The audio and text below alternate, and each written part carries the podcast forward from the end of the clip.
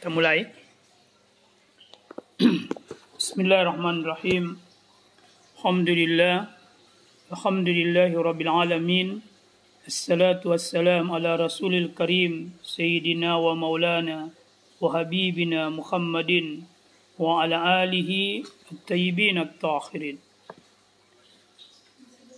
Alhamdulillah. Uh, pembahasan kita terkait dengan bagaimana berinteraksi dengan Al-Quran. Sebuah gerakan hadap diri dan atau tolak diri. Uh, umat Islam uh, terhadap Al-Quran uh, memiliki sikap yang berbeda-beda. Ada umat Islam yang mengaku beriman kepada Al-Quran, tapi tidak tahu baca Quran. Ini masih banyak. Yang kedua, ada lagi yang mengaku beriman kepada Al-Quran, dia tahu baca Quran, tapi Al-Quran tidak dijadikan sebagai uh, prioritas bacaan. Dengan kata lain, malas membaca Al-Quran. Ini juga banyak. Ada lagi umat Islam yang rajin baca Quran, bahkan punya target satu hari satu juz baca Quran, tetapi tanpa memahami makna Al-Quran atau tidak mengerti apa yang dia baca bacaan mereka targetnya adalah memburu pahala dan mengharapkan berkah.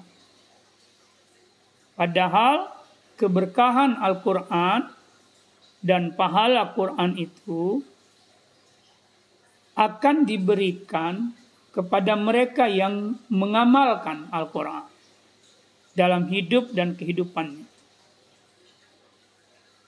Kelompok yang lain adalah ada lagi yang selain dia membaca, selain dia menghafal, dia juga berusaha untuk memahami dengan mentadaburi Al-Quran, memahami makna Al-Quran. Hanya saja uh, gerakan tadabur yang mereka lakukan itu sebagai exercise intelektual semata. Jadi itu tuntutan akademik saja. Minus pengamalan. Tanpa ada pengamalan terhadap Al-Quran. Ini juga merupakan kelompok yang eh, sesungguhnya bermasalah sikapnya terhadap Al-Quran. Beberapa yang kelompok umat Islam yang menggambarkan sikap mereka itu sebenarnya problema besar yang sedang dihadapi oleh umat Islam terkait Al-Qur'annya.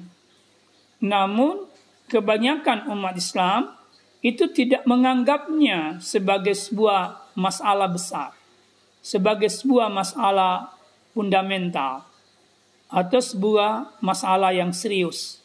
Karena itu cenderung terabaikan umat Islam cenderung merasa cukup dengan pandai membaca Al-Quran, meskipun dia balas membaca.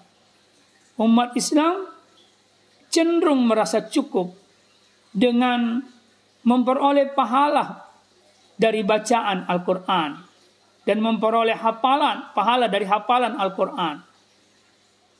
Meskipun sering kali apa yang dia hafal apa yang dia baca, apa yang dia dengar, itu kemudian dia langgar. Kenapa? Karena dia tidak mengerti makna apa yang dia baca. Bahkan yang lebih menarik lagi adalah ada sebagian orang yang merasa cukup menguasai makna-makna Al-Quran, tapi hatinya tidak tergerak untuk mengamalkan Al-Quran. Nah, dari problem-problem yang kita hadapi atau kita ungkapkan tadi, itu sebenarnya menggambarkan bahwa Al-Quran sebagai nikmat teragung itu ditinggalkan atau dilupakan. Kenapa Al-Quran kita katakan sebagai nikmat teragung? Di dalam surah Al-Kahfi ayat pertama Allah berfirman Alhamdulillahilladzi ansala ala abdihil kitab walam yaj'al lahu iwaj. Segala puji bagi Allah yang telah menjadikan menurunkan kepada hambanya yakni Muhammad sallallahu alaihi wasallam Alkitab. Jadi turunnya Al-Qur'an kepada Nabiullah Muhammad sallallahu alaihi wasallam itu nikmat yang harus disyukuri. Nikmat yang harus diamalkan dalam bentuk perbuatan, ditaati dalam bentuk perbuatan. Dan nikmat yang harus dicintai oleh hati. Kalimat yang menunjuk makna nikmat di dalam ayat ini adalah pengucapan kata alhamdulillah yang mendahului ayat ini. Jadi kata alhamdulillah segala puji bagi Allah karena Allah yang telah menurunkan Alkitab. Jadi salah satu bentuk keterpujian Allah itu adalah dia menurunkan Al-Quran kepada Nabiullah Muhammad sallallahu alaihi wasallam untuk dijadikan pedoman bagi umatnya. Dan itu wajib disyukuri oleh umatnya dan eh, lebih lagi oleh Nabi Muhammad Nabi Muhammad wasallam bentuk kesyukurannya itu ada tiga. Pertama, syukur dengan secara lisan, ya, syukur secara uh, dengan dalam bentuk ketaatan anggota tubuh, dan syukur dalam bentuk cinta kepada Al-Quran. Jadi kesyukuran kepada Al-Quran sebagai sebuah nikmat itu adalah dengan cara membacanya, menghafalkannya, ya, mendengarkannya dengan penuh fokus, memahaminya, mentadaburinya, mengkajinya, ya. Kemudian mentaati makna yang dipahami dari Al-Qur'an. Dan yang ketiga adalah mencintai Al-Qur'an itu sendiri. Ya. Dalam ayat lain juga menggambarkan bahwa problem yang dihadapi oleh umat Islam seperti yang kita jelaskan tadi itu sebagai bukti bahwa Al-Quran sebagai rahmat rahmani yang agung itu juga diabaikan.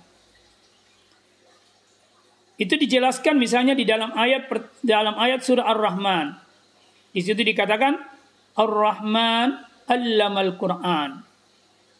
Allah yang Maha Rahman allamal Quran, mengajarkan Al-Quran. Halakal insan, dia menciptakan manusia allamahul bayan. Jadi salah satu tujuan manusia diciptakan adalah untuk diajari Al-Quran. Salah satu tujuan manusia diciptakan adalah untuk diajarkan atau dipahamkan bayan penjelasan-penjelasan Al-Quran kepadanya. Kata Al-Quran di sini yang diajarkan kepada manusia dan diajarkan penjelasan-penjelasannya itu disandarkan ke, kepada sifat Allah Ar-Rahman. Itu mengisyaratkan makna bahwa Al-Quran itu rahmat rahmani. Rahmat yang berasal dari Allah yang Maha Rahman.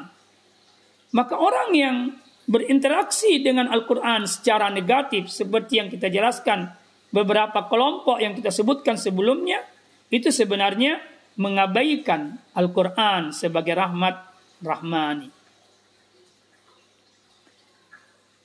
Di sisi lain, Rasulullah Shallallahu Alaihi Wasallam menegaskan bahwa Al-Quran itu adalah bentuk atau wujud kekayaan teragung. Seperti sabda Rasul, "Man al Quran barang siapa yang sudah dikasih Al-Quran oleh Allah. Apa yang dimaksud dikasih di sini? Dia hidup bersama Al-Quran. Pertama, dia mengimani Al-Quran. Kedua, dia senantiasa membaca, mendengar, dan menghafalkan Al-Quran. Tentu sesuai dengan kemampuannya.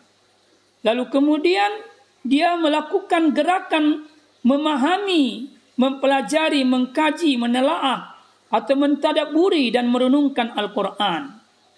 Dan yang keempat, dia mengamalkan Al-Quran. Dan puncaknya, Al-Quran sudah dia jadikan sebagai moralitas ahlaknya. Ini orang yang disebut telah diberi Al-Quran.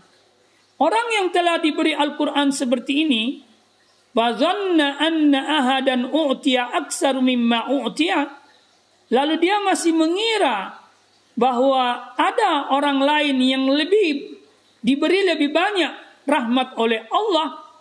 Maka kata Nabi, orang yang menduga bahwa ada orang lain yang lebih lebih banyak diberi rahmat oleh Allah meskipun Al-Qur'an tidak hidup dalam dirinya.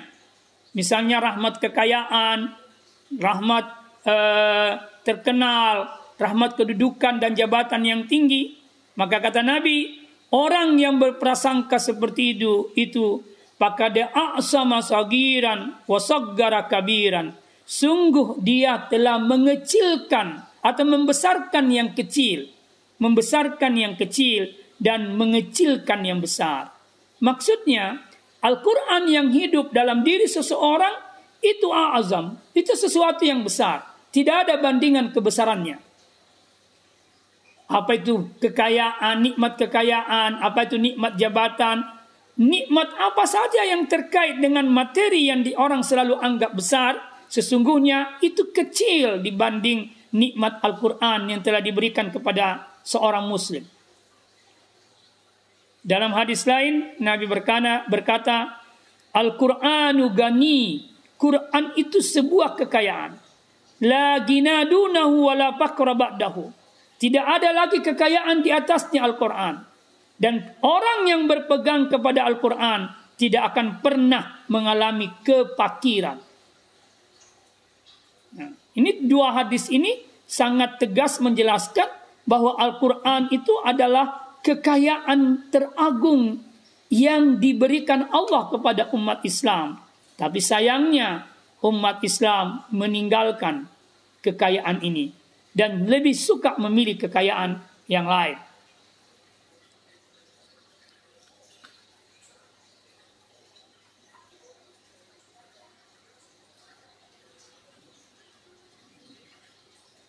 Imam Zainal Abidin As-Sajjad anaknya Imam Husain cucu dari Imam Ali karramallahu wajhah dan cucu dari Rasulullah sallallahu alaihi wasallam pernah berkata terkait dengan keagungan Al-Quran sebagai sebuah kekayaan teragung, sebuah, sebuah rahmat. Dia berkata, jika seluruh orang di dunia, baik di timur maupun di barat sudah mati, niscaya aku tidak akan merasa sendirian jika Al-Quran sudah bersamaku. Artinya, bagi Imam Ali Zainal Abidin As-Sajjad, sekiranya dia berada di dunia ini sendirian, seorang diri, tanpa ada orang lain, tapi dia mah sudah bersama dengan Al-Quran.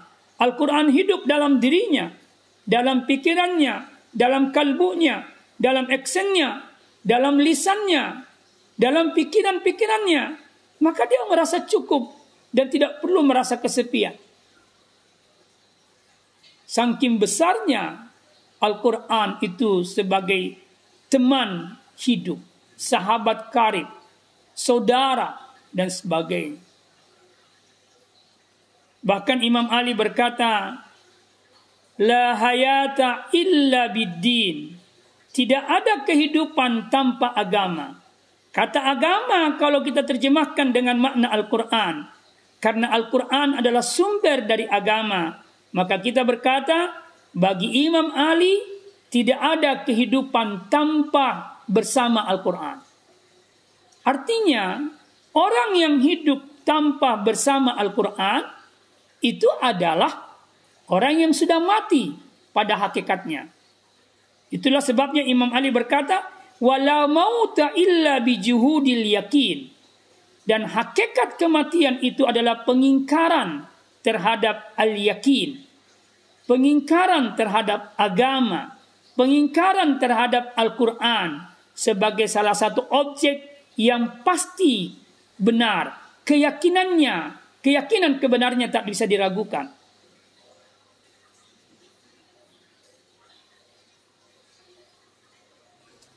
Nah, apa yang saya jelaskan dari tadi ya terkait dengan problem-problem yang dihadapi umat Islam terkait dengan penyikapan mereka terhadap Al-Qur'an itu saya kira sangat cukup untuk kita mencoba melakukan eh, gerakan introspeksi diri.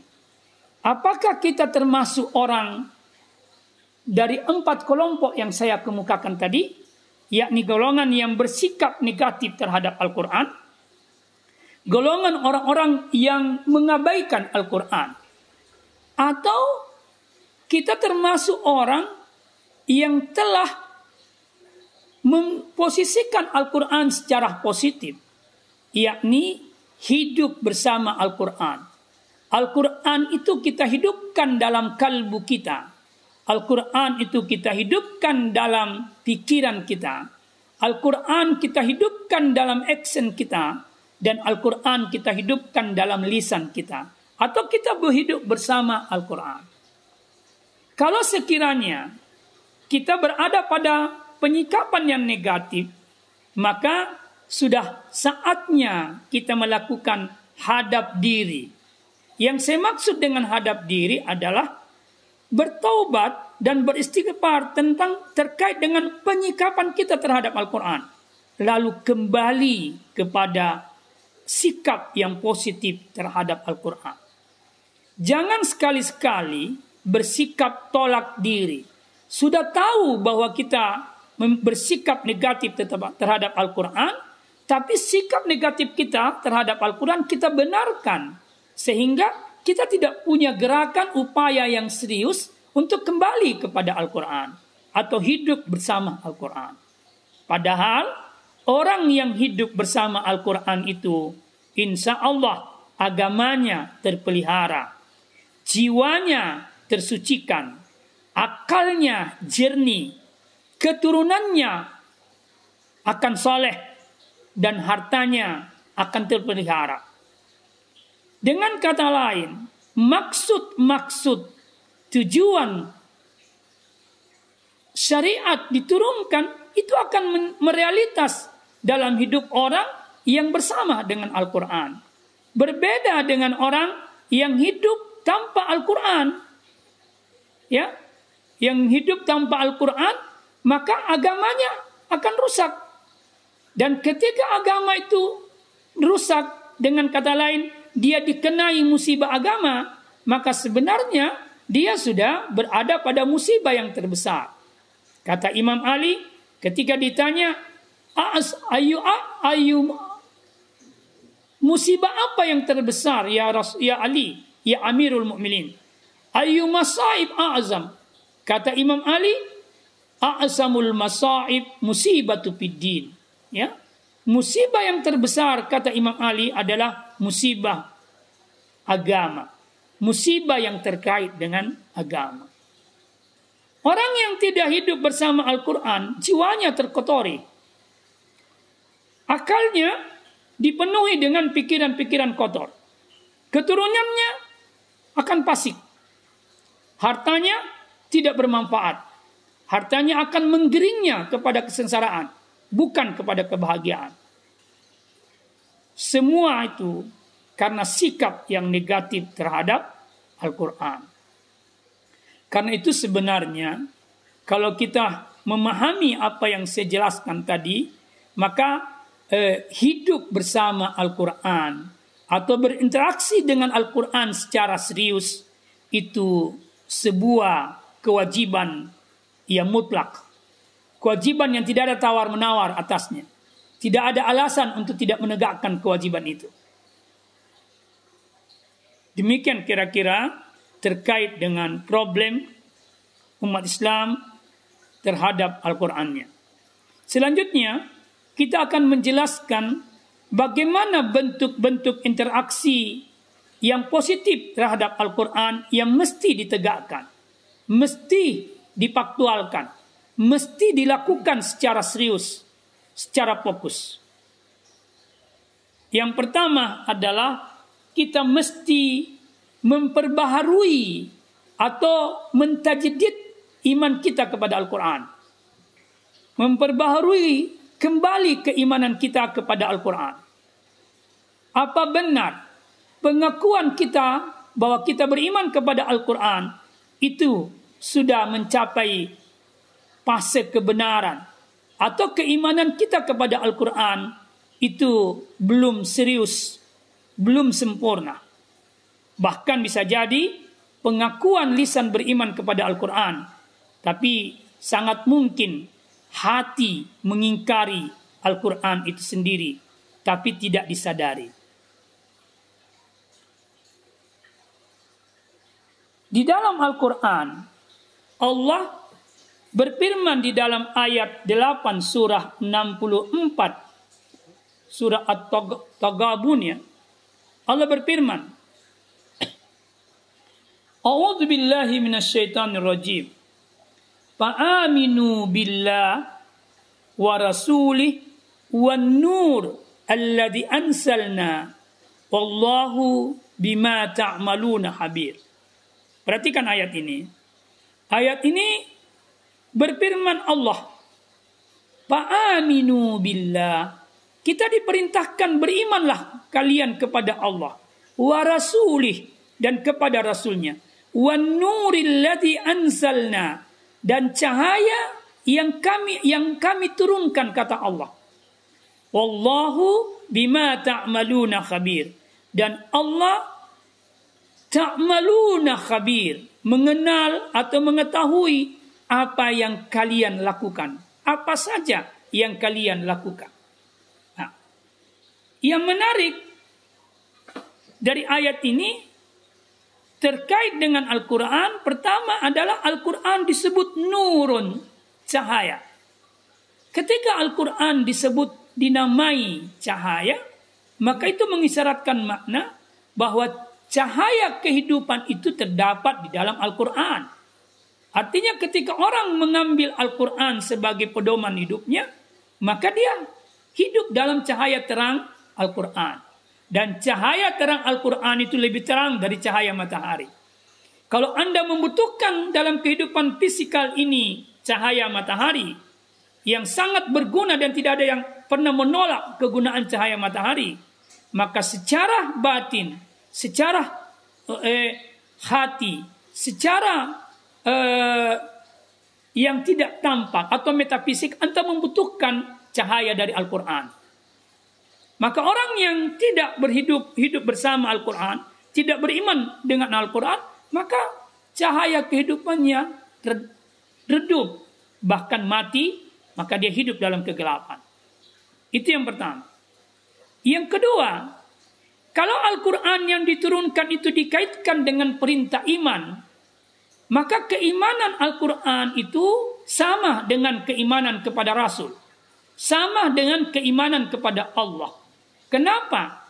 Alasannya karena keimanan di dalam ayat ini diperintahkan secara bersamaan, yakni iman kepada Allah, iman kepada Rasul, dan iman kepada Al-Quran yang diturunkan.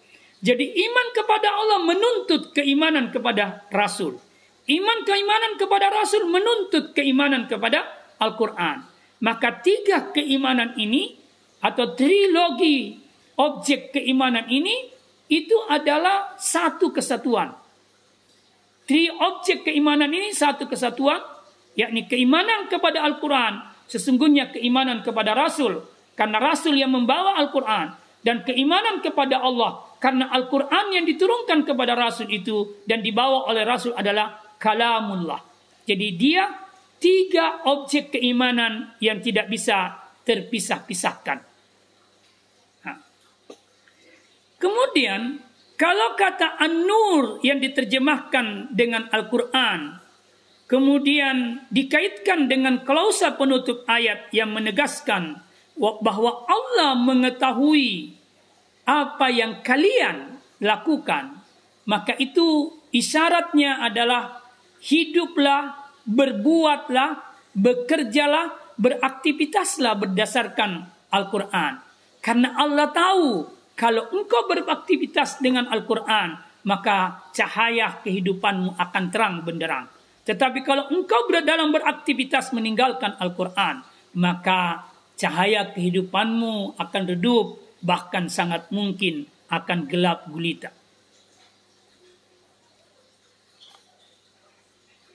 Nah, selanjutnya Al-Quran juga menjelaskan bahwa Orang yang mengimani Al-Quran itu keimanannya dituntut untuk tidak stagnan. Tidak cukup dengan pengakuan lisan. Tidak cukup dengan sekedar meyakini. Tetapi menurut Al-Quran, orang yang betul-betul mencapai derajat keimanan yang sesungguhnya terhadap Al-Quran itu setiap dia berinteraksi dengan Al-Quran, imannya semakin bertambah dan terus bertambah. Itu dijelaskan di dalam surah Al-Anfal. Ketika Allah berfirman, Innamal mu'minuna alladhina idha zukirallah wajilat kulubuhum. Sesungguhnya orang mukmin itu kalau disebutkan namanya Allah, wajilat kulubuhum, kalbunya akan bergetar. Nama Allah itu sangat banyak disebutkan di dalam Al-Quran. Maka ketika orang membaca Al-Quran, lalu dia di dalam bacaannya itu dia menyebut asma-asma Allah, maka seyogyanya kalbunya yang penuh dengan keimanan kepada Al-Quran itu akan tergetar. Bahkan Al-Quran ini mengatakan Wa idza tuliyat alaihim ayatuhu zadatuhum imana. Kalau Al-Quran itu dibacakan kepada mereka, orang-orang beriman itu, apa reaksinya? Apa berkahnya? Zadathum imana. Maka keimanannya kepada Al-Quran semakin bertambah, keimanannya kepada Allah semakin menguat, keimanannya kepada Rasul semakin bertambah. Maka ciri orang yang imannya benar kepada Al-Quran, ketika dia berinteraksi Al-Quran, kalbunya tergetar, kalbunya khusyuk. Ya, ketika Al-Quran dibacakan, imannya semakin bertambah. Salah satu bukti ke pertambahan imannya itu dijelaskan di dalam akhir ayat wa ala rabbihim yatawakkalun. Dia senantiasa bertawakal kepada Allah, bersandar kepada Allah Subhanahu wa taala. Itulah ciri orang yang imannya kepada Al-Quran dapat mencapai derajat keimanan yang sesungguhnya. Ya. Kualitas lain dari keimanan kepada Al-Quran yang benar itu adalah dia akan senantiasa berbahagia dengan Al-Quran. Dalam ayat ini, dalam ayat surah At-Taubah 124, itu disebutkan, فَأَمَّا الَّذِينَ آمَنُوا فَزَادَتْهُمْ إِيمَانًا وَهُمْ يَسْتَبْشِرُونَ Adapun orang-orang yang beriman itu, ketika dia berinteraksi dengan Al-Quran, dengan mengimani Al-Quran, itu zadathum imana. Imannya bertambah seperti kita jelaskan tadi. Lalu selanjutnya ditegaskan wahum yastabshirun. Mereka bergembira dengan Al-Qur'annya. Itu berbeda dengan orang yang imannya kepada Al-Qur'an diliputi oleh keimanan, eh, oleh oleh kemunafikan atau dicampuri oleh kotornya kemunafikan. Orang yang imannya dikotori dengan kemunafikan, kata Al-Quran di dalam 12 ayat 124 ini, dikatakan wa idama unsilat surah kalau Al-Quran itu diturunkan, satu surah Al-Quran itu diturunkan, paminhum mayyakul, maka ada orang yang imannya dicampuri dengan kemunafikan. Atau orang-orang munafik itu berkata, ayyukum zadathu hadhihi imana.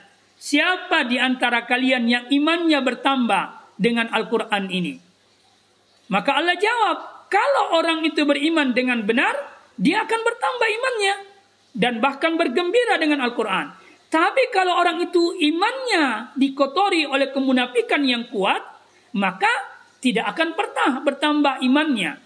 Bahkan penyikapannya terhadap Al-Quran itu sangat negatif. Penyikapannya terhadap Al-Quran sangat negatif. Salah satu bukti ke keburukan sikap terhadap Al-Quran itu itu bisa dibaca di dalam surah yang sama yakni surah At-Taubah ayat 127. Di dalam ayat 127 Allah berfirman wa idza ma unsilat surah kalau surah Al-Qur'an itu diturunkan ha? apa yang dilakukan oleh orang munafik nazara ba'duhum ila ba'din Sebagian orang munafik itu melihat sebagian munafik yang lain. Lalu sebagian itu berkata kepada yang lain, "Hal yarakum min ahad?" Adakah apakah adakah seorang yang benar-benar beriman kepada Al-Qur'an itu melihat kamu? Maka yang lain mengatakan tidak ada. Kalau dia mendapatkan jawaban tidak ada, summan sarafu. Lalu mereka mengambil tindakan meninggalkan Al-Quran yang diturunkan pada waktu itu atau meninggalkan majlis di mana Al-Quran dibicarakan. Apa akibatnya? Sarapallahu kulubuhum. Maka Allah memalingkan hati mereka dari Al-Quran. Allah mengosongkan hati mereka dari Al-Quran. Allah menutup kalbu mereka bi annahum qaumun la yafqahum. Dengan begitu dia menjadi kaum yang tidak memahami Al-Qur'an. Dia menjadi kaum yang tidak mentapakuhi Al-Qur'an. Dia menjadi kaum yang tidak mendalami makna-makna Al-Qur'an. Dari ayat 127 ini sudah at-taubah kita bisa memahami bahwa di antara ciri kemunafikan itu adalah eh, negatif sikap terhadap Al-Quran. Sikap yang tidak benar terhadap Al-Quran. Dia tidak suka dalam majlis di mana Quran dibicarakan. Tidak suka mendalami kandungan-kandungan ayat Al-Quran. Ciri yang selanjutnya, akibat dari sikap negatif itu, dia tidak mengerti ilmu Al-Quran. Dia tidak tapakuh terhadap Al-Quran. Maka salah satu ciri terkuat dari kemunafikan itu tidak mengerti ilmu Al-Quran tidak mengerti informasi Al-Quran, tidak mengerti ajaran-ajaran Al-Quran. Itu salah satu ciri kemunafikan yang sangat berbahaya.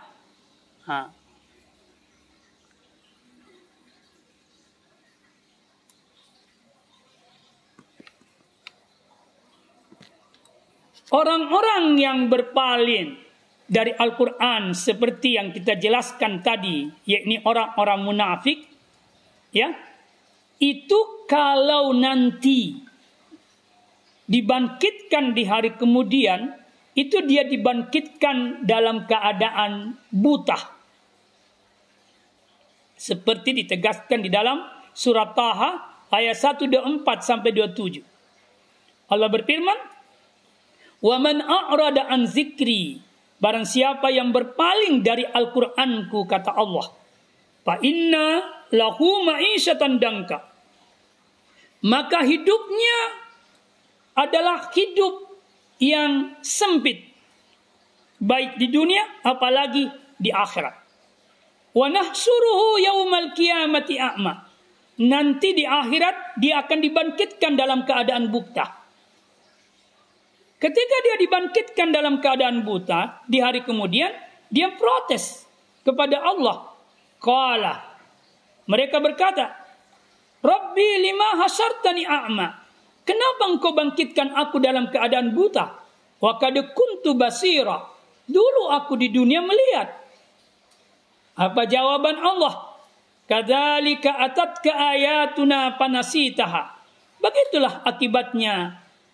Ayat Qur'anku sudah datang kepada kalian di dunia. Panasitaha. Tapi engkau melupakannya.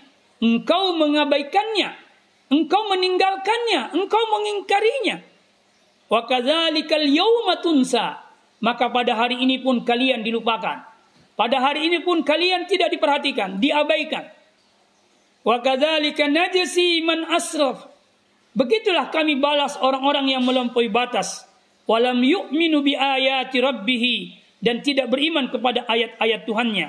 Wal adzabul akhirah asyaddu abqa. Sungguh asap akhirat itu lebih kuat, lebih besar dan kekal. Jadi dari ayat ini kita bisa memahami betapa ruginya orang-orang yang bersifat seperti orang munafik terhadap Al-Quran. Betapa ruginya orang yang tidak beriman secara serius dan secara mantap kepada Al-Quran. Orang yang tidak memiliki keimanan kepada Al-Quran itu akibat pertamanya adalah ma'isyatan dangka. Dia akan hidup dalam kesempitan. Akibat yang kedua, dia akan dibutakan di hari kemudian karena dia buta di dunia. Kenapa dia disebut buta di dunia? Tidak melihat di dunia meskipun matanya normal dan bisa melihat apa saja. Karena sesungguhnya yang dimaksud dengan orang yang basiranya, mata hatinya melihat dengan tajam adalah orang yang beriman kepada Al-Quran dengan sesungguhnya keimanan. Orang yang senantiasa menghidupkan Al-Quran dalam kalbunya. Tapi orang yang tidak menghidupkan Al-Quran dalam kalbunya, itu orang yang disebut akma. Orang yang buta mata hatinya. Meskipun mata lahirnya melihat. Jadi sebenarnya hakikat kebutaan itu adalah karena sikap yang negatif terhadap Al-Quran. Yakni sikap yang tidak mengimani Al-Quran. Mengimani tapi tidak tahu baca. Tahu baca tapi juga tidak mengerti apa yang dia baca mengerti apa yang dia baca, tapi dia tidak amalkan apa yang dia mengerti. Itu sebuah rangkaian sikap negatif terhadap Al-Quran. Sesungguhnya yang selamat adalah mereka yang senantiasa menghidupkan Al-Quran dalam lisannya, dalam actionnya, dalam pikirannya, dalam hatinya, dan menjadikan Al-Quran sebagai mod, moral spiritualnya, akhlak spiritualnya, dan akhlak sosialnya. Itulah orang yang benar-benar berinteraksi dengan Al-Quran dalam makna eh, keimanan yang benar kepada Al-Quran.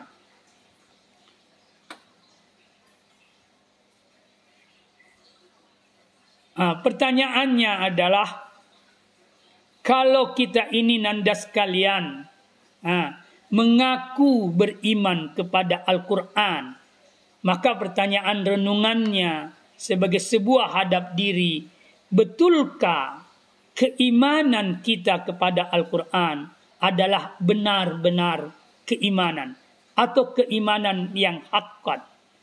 Ataukah kita beriman, mengaku beriman kepada Al-Quran, namun Al-Quran tidak hidup dalam kehidupan kita. Kita hidup tanpa Al-Quran. Kita hidup bukan dengan petunjuk Al-Quran. Kita lebih memilih petunjuk-petunjuk hidup yang lain dibanding Al-Quran itu sendiri. Jangan-jangan kita ini termasuk orang yang menyelam dan menenggelamkan diri dalam gelapnya lumpur kotoran, pengingkaran, pendustaan, pengabaian terhadap Al-Quran yang mengakibatkan kita menjadi orang-orang yang munafik, orang zalim, pendosa, menjadi perugi, namun kita tidak pernah menyadarinya.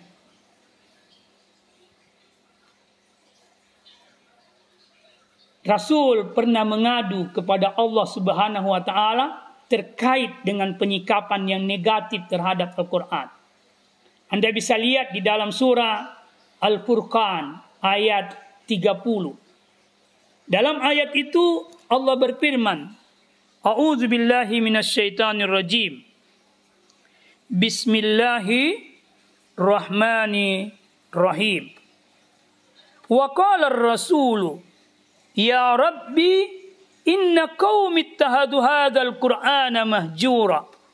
Berkata Rasul, ya Tuhanku, sesungguhnya kaumku telah menjadikan Al-Qur'an itu diabaikan.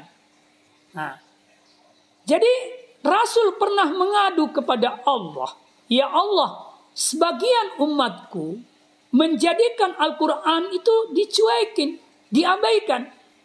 Apa yang dimaksud dengan dicuekin, dengan diabaikan? Yang pertama adalah mengingkari dan tidak beriman kepada Al-Quran. Ini pengabaian total. Yang kedua adalah dia mengimani Al-Quran, mengaku beriman, tapi Al-Quran tidak tembus ke dalam kalbunya. Ini juga pengabaian sedikit dalam totalitas. Sedikit dibawa dari yang total tadi. Ini dicontohkan orang yang eh, mengaku beriman kepada Al-Quran tapi dia tidak tahu baca Al-Quran. Yang ketiga, yang termasuk mengabaikan, dia beriman kepada Al-Quran, tahu baca Quran, tapi malasnya baca Quran. Bukankah salah satu ciri kemunafikan itu adalah malas menegakkan perintah-perintah Allah, termasuk perintah berinteraksi secara positif terhadap Al-Quran. Itu juga mahjur, itu juga mengabaikan. Bentuk pengabaian yang lain, yang pengabaiannya lebih sedikit dari pengabaian, yang pertama dan yang kedua adalah dia tahu baca Quran, dia rajin baca Quran, tapi tidak mengerti apa yang dia baca. Itu masih kategori pengabaian. Kategori pengabaian yang keempat, yang lebih dibawa lagi, dia tahu dia baca, tapi belum dia amalkan. Dia tahu baca, dia paham apa yang dia baca, tapi dia tidak beramal dengan Al-Quran. Sesungguhnya yang lepas, terbebas dari pengaduan Allah ini adalah mereka yang beriman kepada Al-Quran kemudian keimanannya menuntut interaksi positif kepada Al-Quran dengan membaca secara fokus, menelaah Al-Quran secara fokus, mendengarkan Al-Quran dengan fokus, bahkan menghafalkan Al-Quran dengan fokus, lalu kemudian berusaha menganalisisnya, memikirkannya, merenungkannya, lalu kemudian dia mengamalkannya dalam kehidupannya, lalu kemudian setelah diamalkan di puncaknya dia jadikan sebagai moralitas akhlaknya. Ini orang yang terbebas dari pengaduan rasul. Nah. Tapi orang yang tidak terbebas dari pengaduan rasul seperti yang saya jelaskan tadi, ketika diadukan oleh Allah, oleh rasul kepada Allah, Allah menjawab, "Wa kadzalika ja'alna likulli nabiyyin aduwan minal mujrimin." Begitulah Muhammad, aku jadikan bagi setiap nabi musuh Siapa dia? Minal mujrimin, yakni kelompok orang-orang yang pendosa. Kalau pengaduan Nabi ini kita kaitkan dengan jawaban Allah, maka kita bisa berkesimpulan bahwa orang yang bersikap mahjur mengabaikan Al-Quran itu adalah musuhnya Nabi. Dan musuh Nabi pasti jatuh dalam kelompok orang yang pendosa. Kalau kita bandingkan dengan ayat lain di dalam surah Al-An'am 112. Allah berfirman di dalam ayat itu, "Wa kadzalika ja'alna likulli nabiyyin aduwan sayatinal ins." Begitulah aku jadikan bagi setiap nabi musuh. Siapa dia? Sayatinul ins, manusia setan. Maka kita bisa berkata, orang yang mengabaikan Al-Quran, adalah musuhnya Nabi. Dia adalah manusia setan. Dan setiap manusia setan atau pengikut langkah-langkah setan pasti dalam kelompok orang yang berdosa. Saya kira ini yang saya jelaskan pada kesempatan ini terkait dengan interaksi kita kepada Al-Quran. Terima kasih. Assalamualaikum warahmatullahi wabarakatuh. Baik. Kalau Anda bertanya, kenapa Al-Quran mengatakan pas'alu ahla zikr? Tanyalah ahli zikir in kuntum la ta'lamun. kalau kalian tidak tahu tentang sesuatu. Tapi dia tidak berkata pas'alul ulama, tanyalah ahli ilmu. Ulama itu ahli ilmu. Ah. Tetapi ada ula ada ayat yang lain berkata innama yahsallaha min ibadihil ulama. Yang takut kepada Allah adalah ulama dari hamba-hambaku. Jadi kalau Anda bertanya apa yang dimaksud ulama dan ahli zikr, apa perbedaan keduanya? Maka jawabnya yang pertama adalah di dalam Al-Quran ada digunakan kata ulama dua kali, yakni di dalam surah Al-Kahfi ayat 65 dan ada kata ulama yang disebutkan di dalam surah Al-Anbiya ayat 80.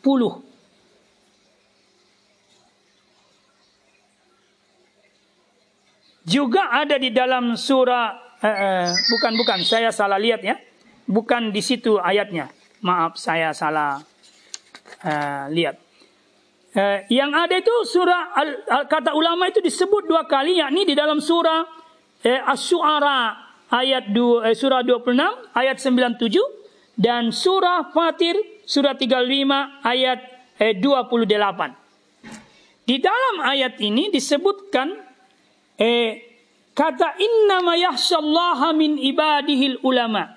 Sesungguhnya yang takut kepada Allah dari hamba-hambaku, kata Allah, adalah ulama. Ini ulama yang sekaligus ahli zikr. Atau ulama yang sudah dengan ilmunya dia menjadi ahli zikir. Tapi ada ulama yang dengan ilmunya dia tidak sampai pada ahli zikir. Itu bisa dilihat di dalam surah Asy-Syu'ara. Ya, ayat 197. Surah Asy-Syu'ara ayat 197. Di dalam ayat itu dijelaskan oleh Allah, awalam yakun lahum ayatan ayya'lamahu ulama'u bani Israel. Apakah tidak cukup menjadi bukti bagi mereka bahwa para ulama Bani Israel itu mengetahuinya. Tapi ulama Bani Israel ini ulama yang tidak sampai kepada ahli zikir. Ilmunya tidak mengantarnya menjadi ahlu zikir. Ini ulama su dalam bahasa Imam Al-Ghazali. Bukan ulama ul amilin jadi ulama yang menjadi eh, maraji untuk kita bertanya adalah ulama yang menjadi ahli zikir. Ulama yang senantiasa berzikir kepada Allah, mengingat Allah karena dia mengamalkan ilmu yang Allah telah berikan kepadanya. Itu yang disebut dengan ahlu zikir. Karena itu yang ditanya adalah ahlu zikir. Maka ada ulama yang ahlu zikir, tapi ada ulama yang tidak sampai kepada derajat ahlu zikr. Dengan kata lain, semua ahlu zikr adalah ulama. Tapi tidak semua ulama adalah ahlu zikr. Dari sini kita bisa memahami bahwa sebenarnya ilmu itu tidak boleh stagnan sekedar pengetahuan. Tapi ilmu itu mesti menjadi instrumen untuk senantiasa bersikir kepada Allah, mengingat Allah dan memaripati Allah Subhanahu wa taala. Ya.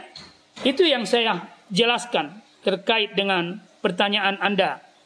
Terima kasih.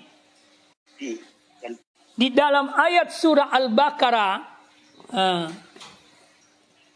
yakni innal ladzina kafaru sawa'un alaihim a anzartahum am lam tunzirhum la yu'minun Sesungguhnya orang-orang yang sudah benar-benar kafir.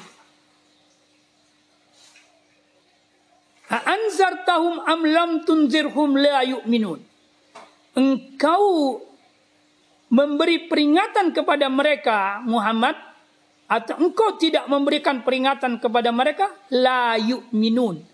tidak akan pernah beriman kepadamu, kepada Allah. Kenapa? Pertanyaannya, kenapa? Allah langsung jawab. Khatamallahu ala kulubihim. Karena hati mereka tertutup dari keimanan. Wa ala sam'ihim. Pendengaran mereka pun sudah disfunksi terkait dengan bukti-bukti kebenaran iman. Wa ala absarihim. Penglihatan mereka pun sudah tertutup.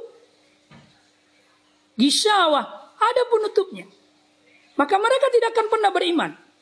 Akibat ketidakimanan mereka lahum azabun adim. Bagi mereka azab yang sangat pedih. Nah, dari dua ayat ini kita bisa mengambil beberapa ibrah atau pembelajaran bahwa sebenarnya yang tidak mau beriman itu adalah manusia.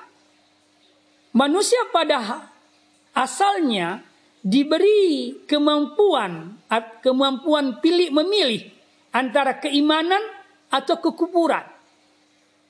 Dan Allah berikan potensi untuk dia bisa memilih.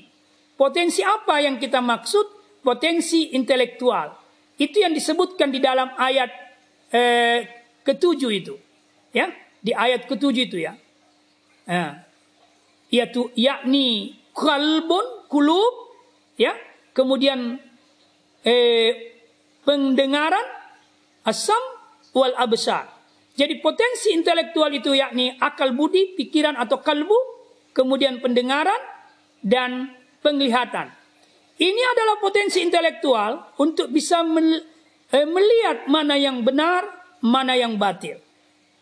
Bagi orang yang tajam kal penglihatan basirahnya, kalbunya, tajam pendengarannya, tajam penglihatan matanya, maka dia akan menemukan tanda-tanda kebenaran dan kebesaran keagungan Allah. Maka dia akan beriman kepada Allah Subhanahu wa taala dengan sendirinya, tentu dengan petunjuk-petunjuk Allah. Tapi orang yang sudah disfungsi akal budinya, hatinya, pendengarannya, penglihatannya. Itu yang dimaksud di sini pendengaran kalbunya dan penglihatan kalbunya. Ya. Maka dia tidak akan pernah beriman kepada Allah kalau dia sudah tutup. Pertanyaannya, siapa yang menutupnya? Yang menutupnya itu adalah manusia itu sendiri karena dia tidak memfungsikan apa yang Allah anugerahkan kepada mereka. Tapi kenapa teks ayat ini yang seakan-akan yang menutupnya Allah. Ini menggambarkan makna bahwa eh, menggambarkan makna kekuasaan Allah bahwa tidak ada yang terjadi di dalam kehidupan dunia ini termasuk terjadinya kekafiran kepada Allah kecuali dengan izin Allah Subhanahu wa taala. Itu yang dimaksud di dalam ayat itu kenapa penutupan potensi intelektual itu disandarkan kepada Allah. Tapi sesungguhnya yang mau menutup potensi intelektual yang diberikan Allah kepada manusia, manusia itu sendiri. Maka seakan-akan Allah berkata, monggo kalau kau silahkan, kalau kau mau tutup, silahkan. Akibatnya kau akan kafir kepadaku. Dan ketika kau kafir kepadaku, kamu akan kulempar ke dalam api nerakaku. Pada dasarnya, Allah itu mewajibkan kita masuk surga dan mengharamkan kita masuk neraka. Apa bukti kebenaran pernyataan saya? Buktinya adalah Allah perintahkan kita untuk mengikuti langkah-langkah jalan-jalan surgawi. Dan pada saat yang sama Allah melarang kita untuk mengikuti langkah-langkah atau lorong-lorong atau jalan-jalan yang bisa berujung dalam neraka. Diperintahkan yang benar, baik dan bermanfaat. Dilarang yang buruk, yang batil dan merugikan. Maka pada prinsipnya Allah menutup pintu neraka dan membuka pintu surga. Tapi ada aja orang manusia yang memaksa membuka pintu neraka dan memaksa masuk dengan ke dalam neraka. Buktinya dia sudah dilarang tapi masih dia lakukan. maka sebenarnya eh, Allah mewajibkan masuk surga dan mengharamkan masuk neraka. Tapi kenapa ada orang yang masuk neraka? Karena dia sendiri yang mau masuk neraka. Maka Tuhan bilang, silakan, saya sudah larang. Laranganku adalah penutupan terhadap pintu nerakaku. Tapi kamu ingin membukanya, maka silahkan kau masuk neraka. Kira-kira penjelasannya seperti itu. Ketika Allah memerintahkan kita untuk beriman kepadanya dan melarang kita untuk mengingkarinya atau Allah tidak menyukai mereka yang mengingkar, itu bukan berarti Allah butuh keimanan kita. Tidak. Bukan berarti Allah butuh. Allah itu gani, dia maha kaya. Dan dia tidak membutuhkan apa-apa pun. Yang dimaksud kaya adalah tidak butuh apa-apa. Tetapi mungkin Anda bertanya, kalau begitu kenapa diperintahkan beriman? Kenapa diperintahkan untuk menyembahnya? Jawabnya adalah karena keimanan itu dibutuhkan oleh manusia supaya manusia itu bisa hidup dalam kebahagiaan. Nih. Jadi keimanan itu menjadi kebutuhan pokok manusia supaya dia bisa hidup bahagia. Tidak ada manusia yang tidak ingin hidup bahagia. Tidak ada. Maka Allah memberi kesarat jalan kebahagiaan yakni beriman dan taat kepada Allah Subhanahu wa taala. Maka dia perintahkan. Kemudian Allah melarang pengingkaran dan kedurhakaan karena kedurhakaan dan pengingkaran itu menceritakan dan merugikan manusia. Maka Allah larang. Sekarang pertanyaannya, apakah kalau Allah memerintahkan yang bisa mengantar kepada kebahagiaan dan membukanya secara lebar, dan pada saat sisi yang lain Allah melarang yang bisa merugikan manusia dan menutupnya rapat-rapat, apa itu bukan sebuah kebajikan dari Allah bagi manusia? Nah, kebaikan. Kebaikan. Kebaikan. Tapi karena kita manusia itu tak mengenal Allah, tak memerat, memakrifati Allah, berprasangka buruk, berpikir buruk kepada Allah, maka Akibatnya kita memaksakan diri untuk mengingkari Allah. Padahal kita sudah tahu bahwa pengingkaran itu merugikan diri kita sendiri. Saya kasih contoh misalnya. Salat. Apakah salat itu menjadi kebutuhannya Allah untuk disembah? Jawabnya tidak. Salat itu dibutuhkan oleh manusia secara primer. Kebutuhan primer manusia. Supaya dia bisa hidup dalam kemerdekaan sejati karena penghambaan kemerdekaan sejati itu adalah penghambaan diri hanya kepada Allah dan membebaskan diri menjadi budak makhluk. Itu kemerdekaan sejati. Maka salat itu bukan untuk Allah sebenarnya. Tapi salat itu untuk kita manusia sebagai kebutuhan dan sekaligus kenikmatan. Itulah sebabnya ada doa yang diajarkan oleh keturunan para keturunan Rasulullah SAW. Dia berkata di dalam doanya, Ilahi kalau dia sudah sembahyang, dia sudah salat, dia berdoa, Ilahi, wahai Tuhanku, hadihi solati, inilah salatku. Sallaituha la lihajatin minka ilaiha. Aku telah menegakkan salat yang kau tidak butuh padanya. Jadi orang yang paham mengakui bahwa salat yang dia lakukan itu bukan kebutuhannya Allah. Wala rakbatin minka dan kau sama sekali tidak menginginkannya illa ta'ziman wa ta'atan. Kecuali salat itu kukerjakan ya Allah untuk mengagungkanmu dan mentaatimu.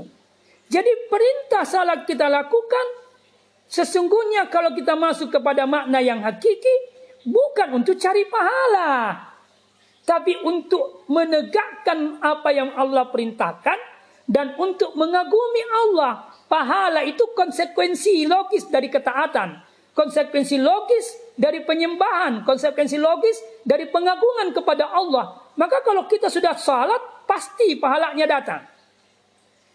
Lalu dia katakan, wa ijabatan laka ila ma amartani. Dan sebagai jawaban atasmu, atas perintahmu kepadaku. Jadi saya menegakkan salat sebagai jawaban atas perintahmu kepadaku. Lalu dia katakan, Ilahi, ya Tuhanku, ingkana fiha, kalau sekiranya salatku itu ada halalun, ada kekurangan di dalamnya, ada kelalaian di dalamnya, baik dalam rukuknya, min ruku'iha, au sujudiha, atau dalam sujudnya, pala tu'akhidni, maka janganlah engkau menghukumku, watabaddal alayya bil kabuli wal gufran, tetapi eh, muliakanlah aku dengan penerimaan salatku wal gufran dan pengampunanmu atasku karena salatku itu. Itu begitu memahaminya perintah Tuhan kepada manusia. Jadi perintah Tuhan kepada manusia pada hakikatnya bukan untuk Tuhan, tapi untuk manusia sendiri manfaatnya. Saya kira begitu penjelasannya. Jadi kalau Anda berkata, yang mana duluan mengimani Allah dan mengimani Al-Quran, maka menurut saya, pertanyaan itu harus jelas dulu. Dalam pertanyaan hakiki atau pertanyaan yang sifatnya operasional. Tentu pokok keimanan itu adalah beriman kepada Allah. Itu maka dalam rukun iman itu ada enam. Dari enam rukun iman itu yang yang pokok adalah beriman kepada Allah. Kalau orang beriman kepada Allah, maka konsekuensi logisnya dia harus beriman kepada Rasul, harus beriman kepada Al-Quran, harus beriman kepada hari kemudian, harus beriman kepada malaikat, harus beriman kepada hari akhirat. Takdir, beriman kepada takdir. Itu konsekuensi logis keimanan kepada Allah. Kalau ada orang beriman kepada Allah tapi tidak beriman kepada Rasulullah Sallallahu Alaihi Wasallam, tidak diakui kebenaran imannya. Saya kasih contoh. Apakah orang Nasrani itu beriman kepada Allah? Hah. Maka jawabnya iya. Dia beriman kepada Allah. Tapi Allah yang dia maksud dalam Nasrani Yahudi sekarang, Allah yang beranak yaitu Isa anaknya. Yahudi, Uzair anaknya. Sementara Al-Quran mengatakan Allah tidak diperanakkan dan tidak tidak beranak dan tidak diperanakkan. Maka keimanan mereka tentang Allah, Allah yang mereka imani berbeda dengan Allah yang diimani oleh Muhammad, yang dibawa oleh Nabiullah Muhammad. Allah yang dibawa oleh Muhammad, Allah yang tidak beranak dan tidak diperanakkan adalah yang tunggal, Allah yang ahad. Sementara orang Nasrani dan Yahudi, Allah yang punya anak. Dan seterusnya. Jadi, maka mengimani ajaran Al-Quran yang dibawa Rasul dan mengimani Rasulullah itu syarat mutlak kebenaran keimanan kepada Allah Subhanahu wa taala. Yang kedua, Allah yang diimani mesti dimakrifati. Maka makrifatullah mengenal Allah itu landasan agama dan sekaligus landasan kemanusiaan. Apa maksudnya? Kebenaran iman, ke, kebenaran dalam beragama dan hidup dalam kemanusiaan itu harus landasan pertamanya adalah karena kita mengenali dan merepati Allah. Lalu bagaimana cara memaripati Allah? Tidak ada yang tahu cara memaripati Allah kecuali yang diajarkan oleh Allah sendiri. Pertanyaannya, bagaimana Allah mengajarkan dirinya sebagai Tuhan yang tunggal? Dia ajarkan di dalam Al-Quran, di ayat-ayatnya, di firman-firmannya. Maka untuk bisa mengenali Allah adalah mengenali Al-Quran. Untuk bisa mengenali Al-Quran dengan baik, dengan pengenalan Al-Quran dengan baik, maka Anda mengenal Allah dengan baik. Maka rujuklah kepada Al-Quran untuk mengetahui siapa Allah yang tunggal tadi. Dan yang paling mengerti Al-Quran dari sekian manusia adalah tentu yang membawa pertama Al-Quran yang diajar langsung oleh Allah, yakni Rasulullah Sallallahu Alaihi Wasallam. Maka mengimani Quran harus mengantar orang juga mengimani Nabi. Dengan cara seperti itu, kita sampai kepada ma'rifatullah. Maka kita hidup dengan ma'rifatullah, maka agama kita menjadi benar. Kita hidup dengan makrifat dengan ma'rifatullah, maka kemanusiaan kita menjadi faktual. Itu penjelasannya.